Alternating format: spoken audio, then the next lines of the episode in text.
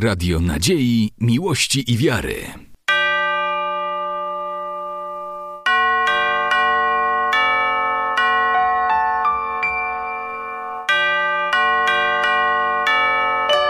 Radio Ortodoksja.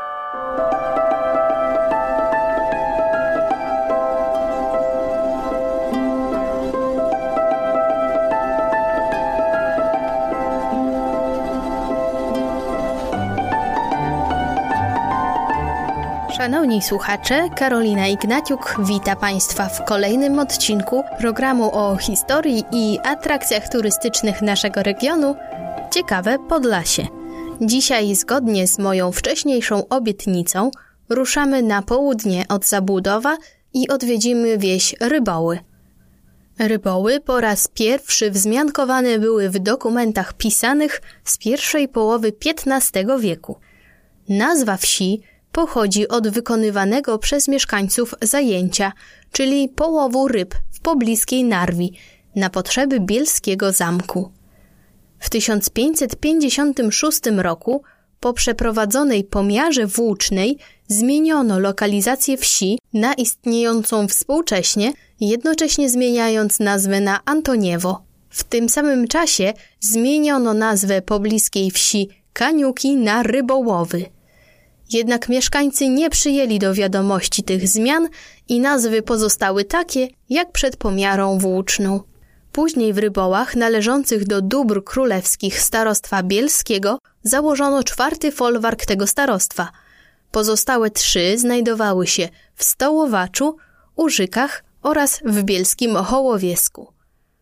Początkowo w Rybołach umieszczono siedzibę wójtostwa i mieścił się tu wzmiankowany m.in. w 1676 roku dwór imci pana Lewickiego do wójtostwa należący. Na przełomie XVII i XVIII wieku wieś została w dużym stopniu zniszczona podczas najazdu szwedzkiego i zapewne także później w czasie wojny północnej, a także wyludniona w wyniku epidemii cholery z 1710 roku. W wyniku tego duży udział wśród gruntów chłopskich stanowiły łany puste. To też Jan Klemens Branicki, starosta bielski w latach 1709-1771, a ponadto oczywiście właściciel dóbr białostockich ze słynnym pałacem, podczas intensywnego ponownego zagospodarowywania tej królewszczyzny uzyskał od króla w 1737 roku przywilej na cotygodniowe targi w Rybołach, co znacznie podniosło rangę tej osady i dochody z dzierżawy oraz znacznie rozbudował istniejący tam folwark. Najwyraźniej starosta zamierzał starać się o alienację rybą i przyłączyć je w przyszłości do dóbr dziedzicznych. Na marginesie i tak z przymrużeniem oka dodam, że tradycja odbywania targów w rybołach pozostała do dzisiejszych czasów, oczywiście w zupełnie innej formie, ale chyba każdy, kto jedzie z Białego Stoku do Bielska lub z powrotem, kojarzy, że właśnie w rybołach ludzie chętnie wystawiają sezonowe produkty z ogrodu i pola w skrzyneczkach wzdłuż szosy. Wróćmy jednak do historii i do folwarku. Zajmował on prostokątny teren podzielony strumieniami. W południowej części tego terenu umieszczono dwór rządcy zwrócony frontem do gościńca i połączony z nim drogą, stanowiącą jedną z poprzecznych osi kompozycji. Ta droga do dworu przekraczała mostek nad strumieniem i prowadziła na dziedziniec, którego boki zamykała para oficyn stojących po bokach dworu, ustawionych do dworu szczytami. Po przeciwnej stronie drogi, na zachód od niego, znajdował się dziedziniec gospodarczy, otoczony budynkami folwarcznymi. Na północ od zabudowań mieścił się ogród o dwóch kwaterach, oddzielonych od siebie strumieniem i dwoma stawami. Po grobli między tymi stawami biegła droga wyznaczająca podłużną oś ogrodu, wbiegająca na dziedziniec przed dworem. Granice kwater ogrodowych obsadzono szpalerami lub alejami, a we wnętrzach kwater posadzono sady. Teren kwatery północnej ukształtowano w formie tarasów, a w skład kompozycji wchodził także obszerny warzywnik położony między sadem a gościńcem. Równolegle do gościńca biegła w pobliżu zachodniej granicy założenia droga, ze wsi Rzepki do położonych na południe od folwarku zabudowań wsi.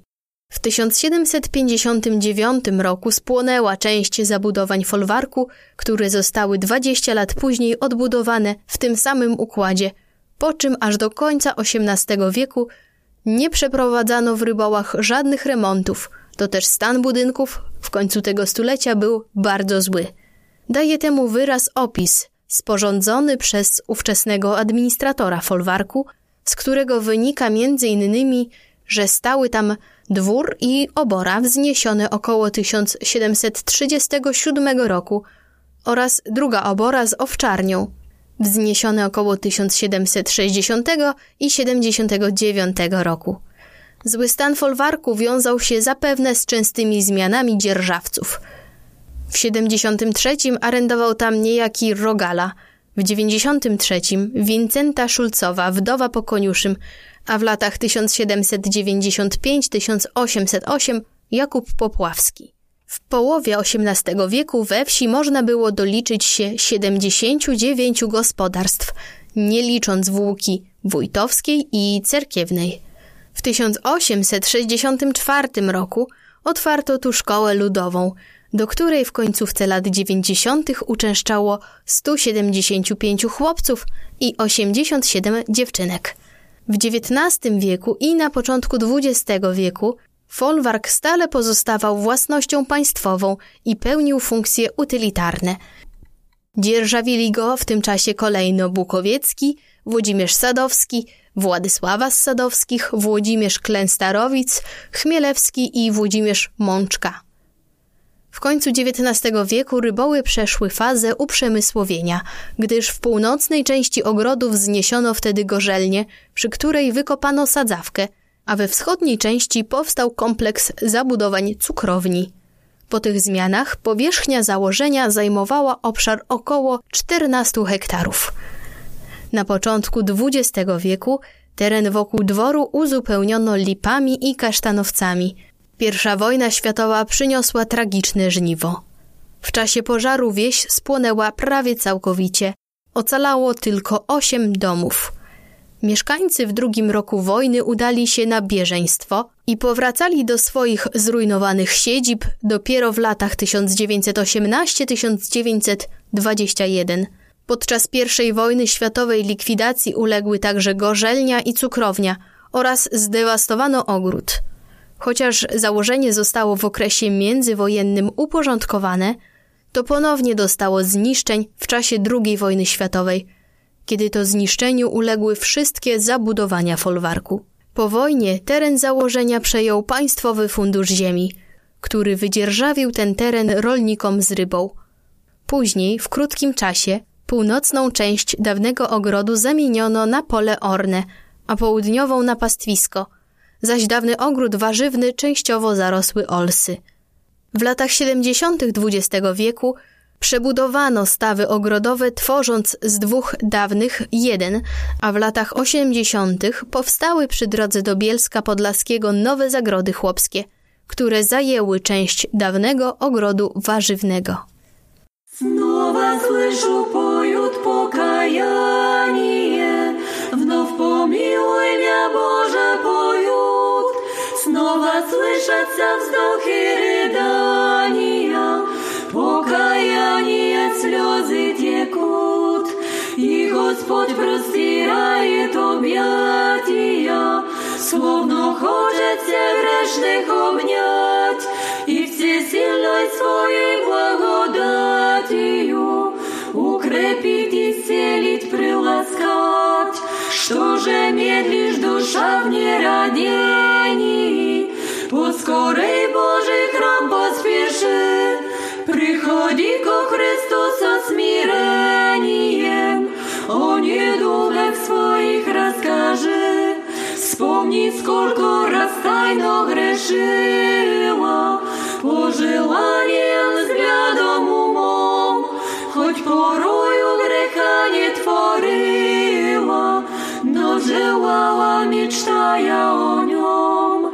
но Христос для тебя воплотился, за тебя свою кровь Он пролил, за тебя на кресте пригвоздился, небо с грешной землей примирил.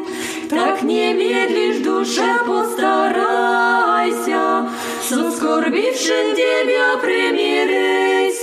Пойди в церковь и Богу покайся, тіла крові Христа приобщись, пойди в церковь і Богу покайся,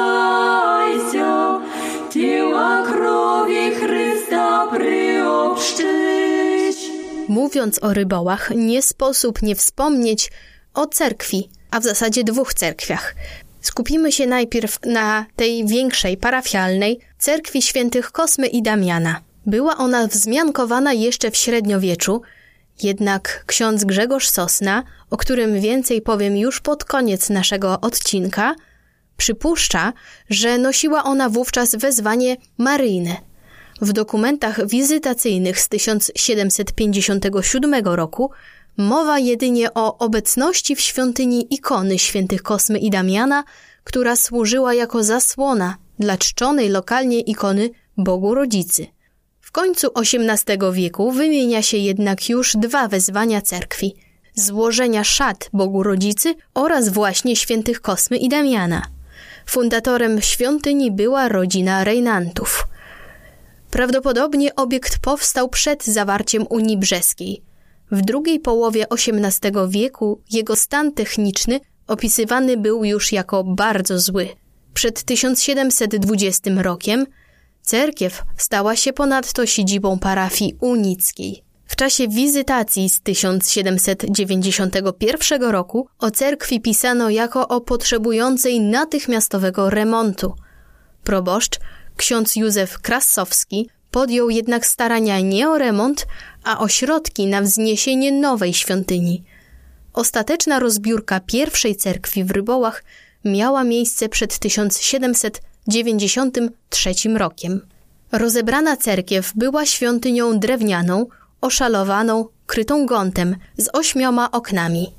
W centralnym punkcie dachu zlokalizowana była niewielka wieżyczka z cebulastą kopułą. Cerkiew otaczał cmentarz oddzielonym murem. Brama wjazdowa pełniła równocześnie zadania dzwonnicy. Istniały dwa wejścia do cerkwi przez przedsionek oraz bezpośrednio do nawy drzwiami bocznymi. W ołtarzu zlokalizowana była ikona Bogu Rodzicy oraz ikona świętych Kosmy i Damiana. Ikonostas został rozebrany w 1720 roku, czyli wtedy, gdy cerkiew stała się unicka. Zachowano jedynie carskie wrota. Z pierwotnie rozmieszczonych w nim wizerunków w świątyni przechowywano obrazy Bogu Rodzicy i Chrystusa. Drugą cerkiew w Rybołach wzniesiono na potrzeby miejscowej parafii unickiej z inicjatywy jej proboszcza księdza Józefa Krasowskiego. W 1792 roku Matuszewic, komisarz białostockich dóbr branickich, poinformował o opracowaniu planu nowej świątyni przez architekta Czeringa. W tym samym roku przystąpiono do prac budowlanych, które do 1700 95 roku ukończono. Koszt budowy cerkwi w całości pokryła parafia. Rybołowska świątynia była budowlą drewnianą, jednokopułową z ośmioma oknami na podmurówce ceglanej i kryta dachówką z podrzutką wapienną. Wzniesiono ją na typowym dla ówczesnej podlaskiej architektury unickiej planie ośmioboku. Analogiczny typ budownictwa reprezentowały cerkwie w Szczytach Dzięciołowie – Bielsku Podlaskim i Orli. Oryginalnym rozwiązaniem natomiast było wzniesienie nad wejściem wysokiej wieży. Dzwonnica cerkiewna była budowlą wolno stojącą i znajdowała się w sąsiedztwie budynku. Wyposażenie cerkwi pochodziło ze starszej świątyni. Do nowego obiektu sakralnego przeniesiono także uważaną za cudowną ikonę Bogu Rodzicy – zasłaniającą drugą ikonę świętych Kuźmy i Damiana. Wizerunek ten pochodził z XVII wieku i nie jest możliwe ustalenie, w jakich okolicznościach znalazł się w cerkwi w Rybołach. W ówczesnej architekturze unickich cerkwi na Podlasiu bardzo silne były tendencje latynizacyjne. Uwidaczniały się one także w przypadku cerkwi rybołowskiej – Nie było w niej ikonostasu ani nawet samych carskich wrót, a najpóźniej w 1811 roku wstawiono do świątyni monstrancję. Siedem lat później w protokole wizytacji cerkwi zapisano, iż budynek wymagał remontu. Zalecono oszalowanie ścian i uzupełnienie dachówek. Renowacji jednak nie przeprowadzono i w 1822 w kolejnym protokole ponownie stwierdzono, że budowla jest w złym stanie. Po tym samym roku proboszczem miejscowej parafii został Lew Markiewicz. Duchowny ten początkowo był zwolennikiem latynizacji kościoła unickiego i umacniał w parafii unicką tożsamość. Na początku lat 30. XIX wieku zmienił jednak swoje stanowisko i stał się propagatorem usuwania z liturgii elementów pochodzenia łacińskiego, by ostatecznie doprowadzić parafię do przejścia do rosyjskiego kościoła prawosławnego. W 1822 roku w cerkwi znajdował się ołtarz, swoją formą zbliżony do ołtarzy łacińskich, w którym znajdowała się ikona Bogu Rodzicy, a nad nią obraz Matki Boskiej Bolesnej. Na wyposażeniu budynku pozostawały również inne zlatynizowane elementy – zestaw dzwonków, ambona, ołtarze boczne i organy. Cerkiew posiadała także mszał łaciński. W 1834 roku cerkiew w Rybołach uznano za jedną z najbogatszych świątyń unickich w obwodzie białostockim. Pod kierunkiem księdza Markiewicza we wnętrzu cerkwi w Rybołach dokonano znaczących przekształceń. W 1835 w świątyni znajdowała się już konstrukcja ikonostasu bez ikon.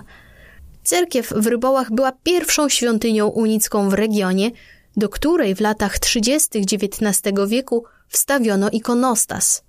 W tym samym roku, według opisu księdza Markiewicza, w cerkwi był również stół ołtarzowy i stół ofiarny, czyli żertwiennik, Ikony do ikonostasu napisał w 1837 roku Fiodor Michnow, który pracował również w cerkwiach w Puchłach, Rajsku, Fastach oraz Topilcu. W tym samym roku usunięto z budynku organy. 11 lat później przystąpiono do sugerowanego od dawna remontu budynku. Kapitalny remont trwał przez dwa lata. W końcu lat 40. XIX wieku do rybołowskiej cerkwi uczęszczało 2300 parafian. Na początku lat 70. XIX wieku Rada Parafialna oraz ówczesny proboszcz, ksiądz Głowacki, postanowili rozebrać XVIII-wieczną cerkiew i na jej miejsce wznieść świątynię murowaną, już trzecią cerkiew w Rybołach. Środki na ten cel w kwocie 15 188 rubli i 80 kopiejek parafia otrzymała od Skarbu Państwa. Również miejscowi parafianie przekazywali dary na budowę obiektu i pracowali w cegielni, gdzie wyrabiano materiał budowlany na potrzeby inwestycji. Plan cerkwi opracował Borysław Rutkowski, opierając się na dokumentach identycznej cerkwi w Nowoberezowie. Robotami budowlanymi kierował Gordiej Aleksiejew. Nadzór techniczny sprawował inżynier Łoziński. Prace nad wznoszeniem świątyni trwały od 1873 roku do 1877, zaś drewno z rozebranej budowli sakralnej wykorzystano do budowy cmentarnej cerkwi świętego Jerzego. Stoi ona do dziś tuż za wsią, po lewej stronie drogi w kierunku Bielska. W 1878 roku Gordiej Aleksiejew przeprowadził prace wykończeniowe oraz usunął pewne usterki z konstrukcji konostasu. Budowlę konsekrował 22 maja 1879 roku w święto zstąpienia Ducha Świętego archimandryta Innocenty – przełożony monasteru zwiastowania i świętego Jana Teologa w Supraślu. W 1886 roku cerkiew wizytował biskup brzeski Anastazy. Jego przybycie skłoniło parafian do dalszych prac nad upiększeniem świątyni. W 1890 przeprowadzono remont całego obiektu, a w jego trakcie i w latach następnych miejscowi wierni fundowali i przekazywali różne elementy wyposażenia.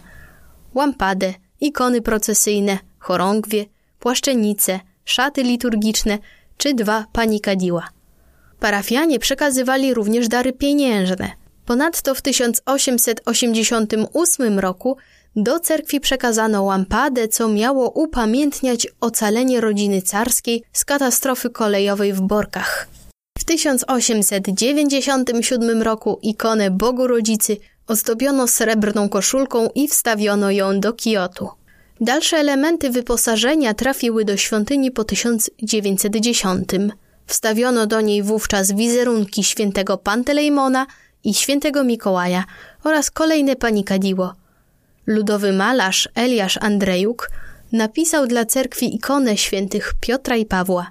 W cerkwi znajdowały się również dwa dzwony o wadze 50 i 15 pudów, czyli około 800 i 250 kg.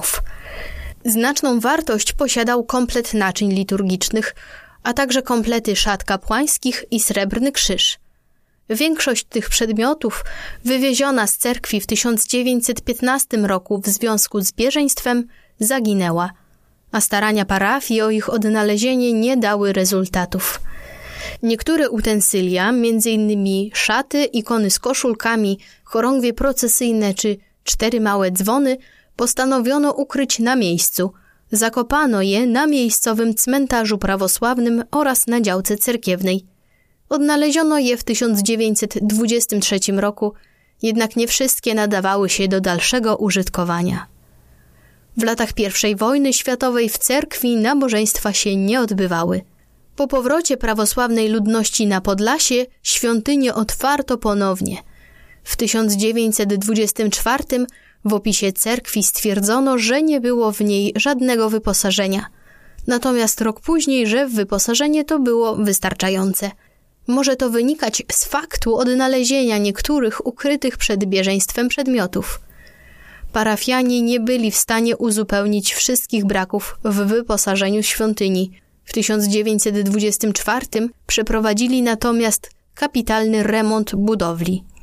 Uzupełnianie wyposażenia cerkiewnego miało miejsce na przełomie lat 20. i 30.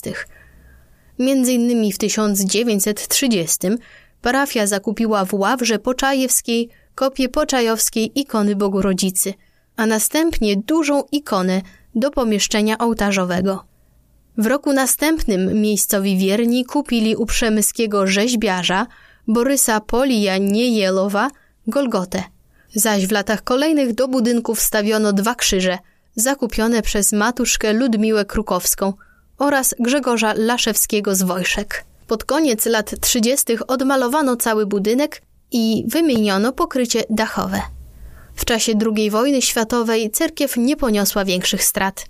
Pozostawała czynna. Parafianie mogli również przeprowadzić konieczne bieżące remonty. W 1950 roku, już po wojnie, parafianie ufundowali dla świątyni nowy dzwon o wadze 662 kg cerkiewnosłowiańskim napisem Благовествуй земле радость велию, хвалите небеса ее славу. Колокол сей пожертвован в Рыболовскую церковь ее прихожанами w 1950 году. Czyli zwiastuj ziemi wielką radość, wychwalajcie niebiosa jej chwałę. Dzwon ten ofiarowali cerkwi w Rybołach jej parafianie w 1950 roku. W dzwonie tym znalazło się serce zaginionego dzwonu Julian, przechowywanego w świątyni przed bieżeństwem, jedyna jego część odzyskana przez parafię po 1918 roku. Nadal używane są również cztery mniejsze, XIX-wieczne dzwony. Wyposażenie świątyni było wzbogacane również w kolejnych dziesięcioleciach. W 1991 roku pozłocono ikonostas – zaś w 1997 przemalowano całą budowlę. W 1979 ikona Bogu Rodzicy została poddana zabiegom konserwatorskim. W 1999 zabiegom takim poddano także ikonę świętych Kosmy i Damiana. W cerkwi znajduje się trzyrzędowy ikonostas z usytuowaną między drugim a trzecim rzędem kopią poczajewskiej ikony Bogu Rodzicy. Przed nim w kiotach wystawione są ikony patronalna oraz XVII-wieczna rybołowska ikona Bogu Rodzicy odrestaurowana w 1980. Kolejne wizerunki świętych zawieszane są na ścianach świątyni. Freski w świątyni wykonał w latach 44-46 białostocki malarz Włodzimierz Wasilewicz. W ołtarzu wykonał on wyobrażenie zmartwychwstania pańskiego, nad ikonostasem postać Chrystusa niosącego krzyż, zaś nad drzwiami wiodącymi z przedsionka do nawy wjazd pański do Jerozolimy. Na ścianach nawy głównej znajdują się namalowane przez tego samego autora postacie ewangelistów. Między postaciami i scenami umieszczono dekoracyjne ornamenty. Pod krew Twój Спасителю мой милый, И молю Тебе, же Ты мне за грехи жаль. За меня терпишь, за меня Ты распялся,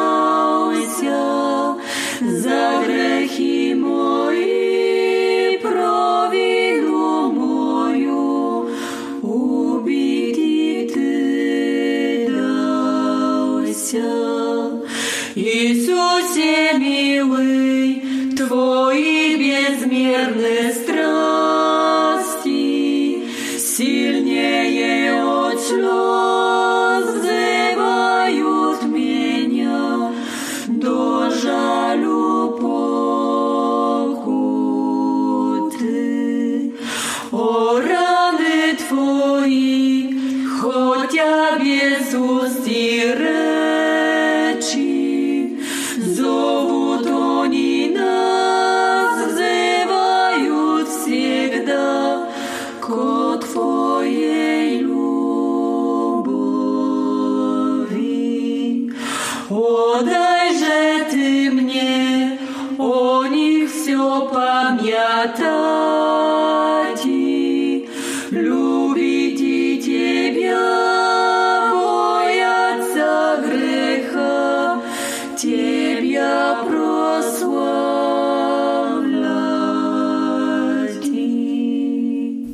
Przez płot z parafią sąsiaduje Muzeum Kultury Materialnej Baćkoszczyna.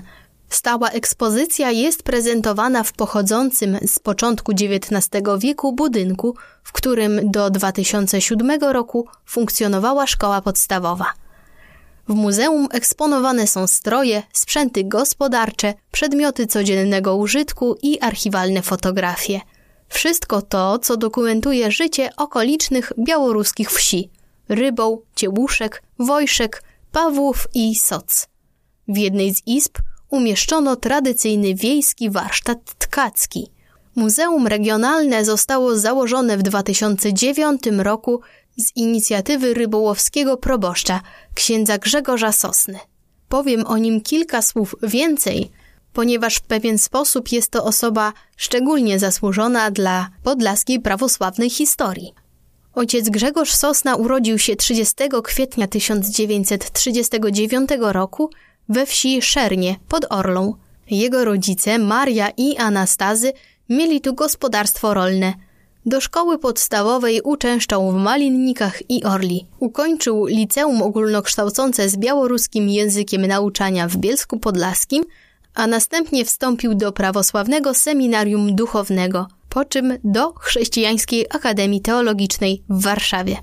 Po ślubie z Antoniną Troc w 1960 roku ówczesny biskup wikariusz diecezji warszawsko-bielskiej Bazylii udzielił mu święceń kapłańskich.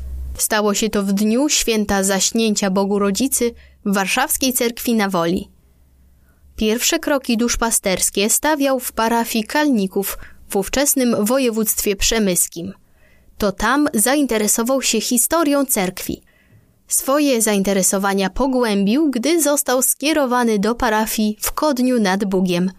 Tragiczna historia cerkwi prawosławnej i jej wiernych na tym obszarze wpłynęły na wybór pracy magisterskiej. pod tytułem Podłoże, na którym kształtowała się idea Unii Kościelnej w Polsce pod koniec XVI wieku. Obronił ją w 1966 roku, będąc w tym czasie wikariuszem parafii w Siemiatyczach. Po powrocie na Białostoczyznę opublikował setki artykułów o historii parafii prawosławnych.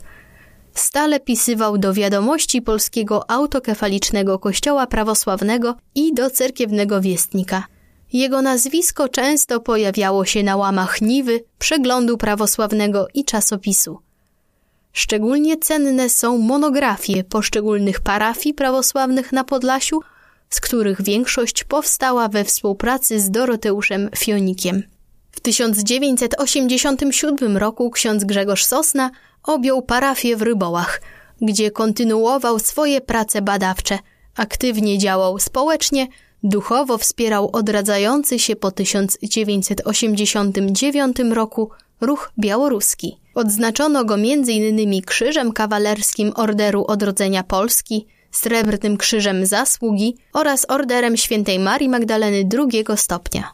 Na koniec, w ramach ciekawostek, dodam, że w Rybołach urodził się profesor Włodzimierz Pawluczuk, antropolog i religioznawca. Głównym problemem badawczym profesora jest sytuacja człowieka w warunkach kryzysu kultury, czy też wręcz całkowitego jej rozpadu, jak w przypadku społeczności tradycyjnych, a także rozpadu życia religijnego w perspektywie codzienności. W początkach swej działalności naukowej zajmował się tymi problemami na przykładzie społeczności prawosławnych wschodniej Białostoczyzny. Później analizował je także na przykładzie współczesnej Ukrainy.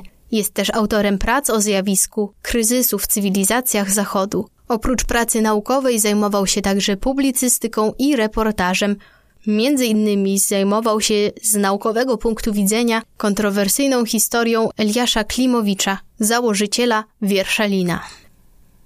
Dobiega końca nasze spotkanie w Rybołach. Karolina Ignaciuk, dziękuję serdecznie Państwu za uwagę i zapraszam na nasze kolejne wędrówki z cyklu Ciekawe Podlasie.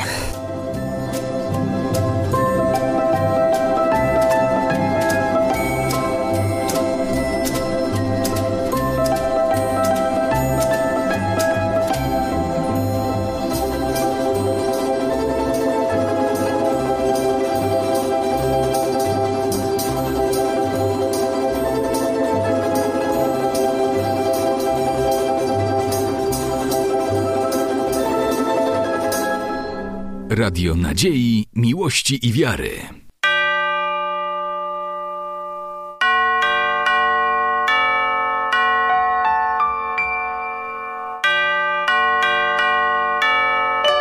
Radio Ortodoksja.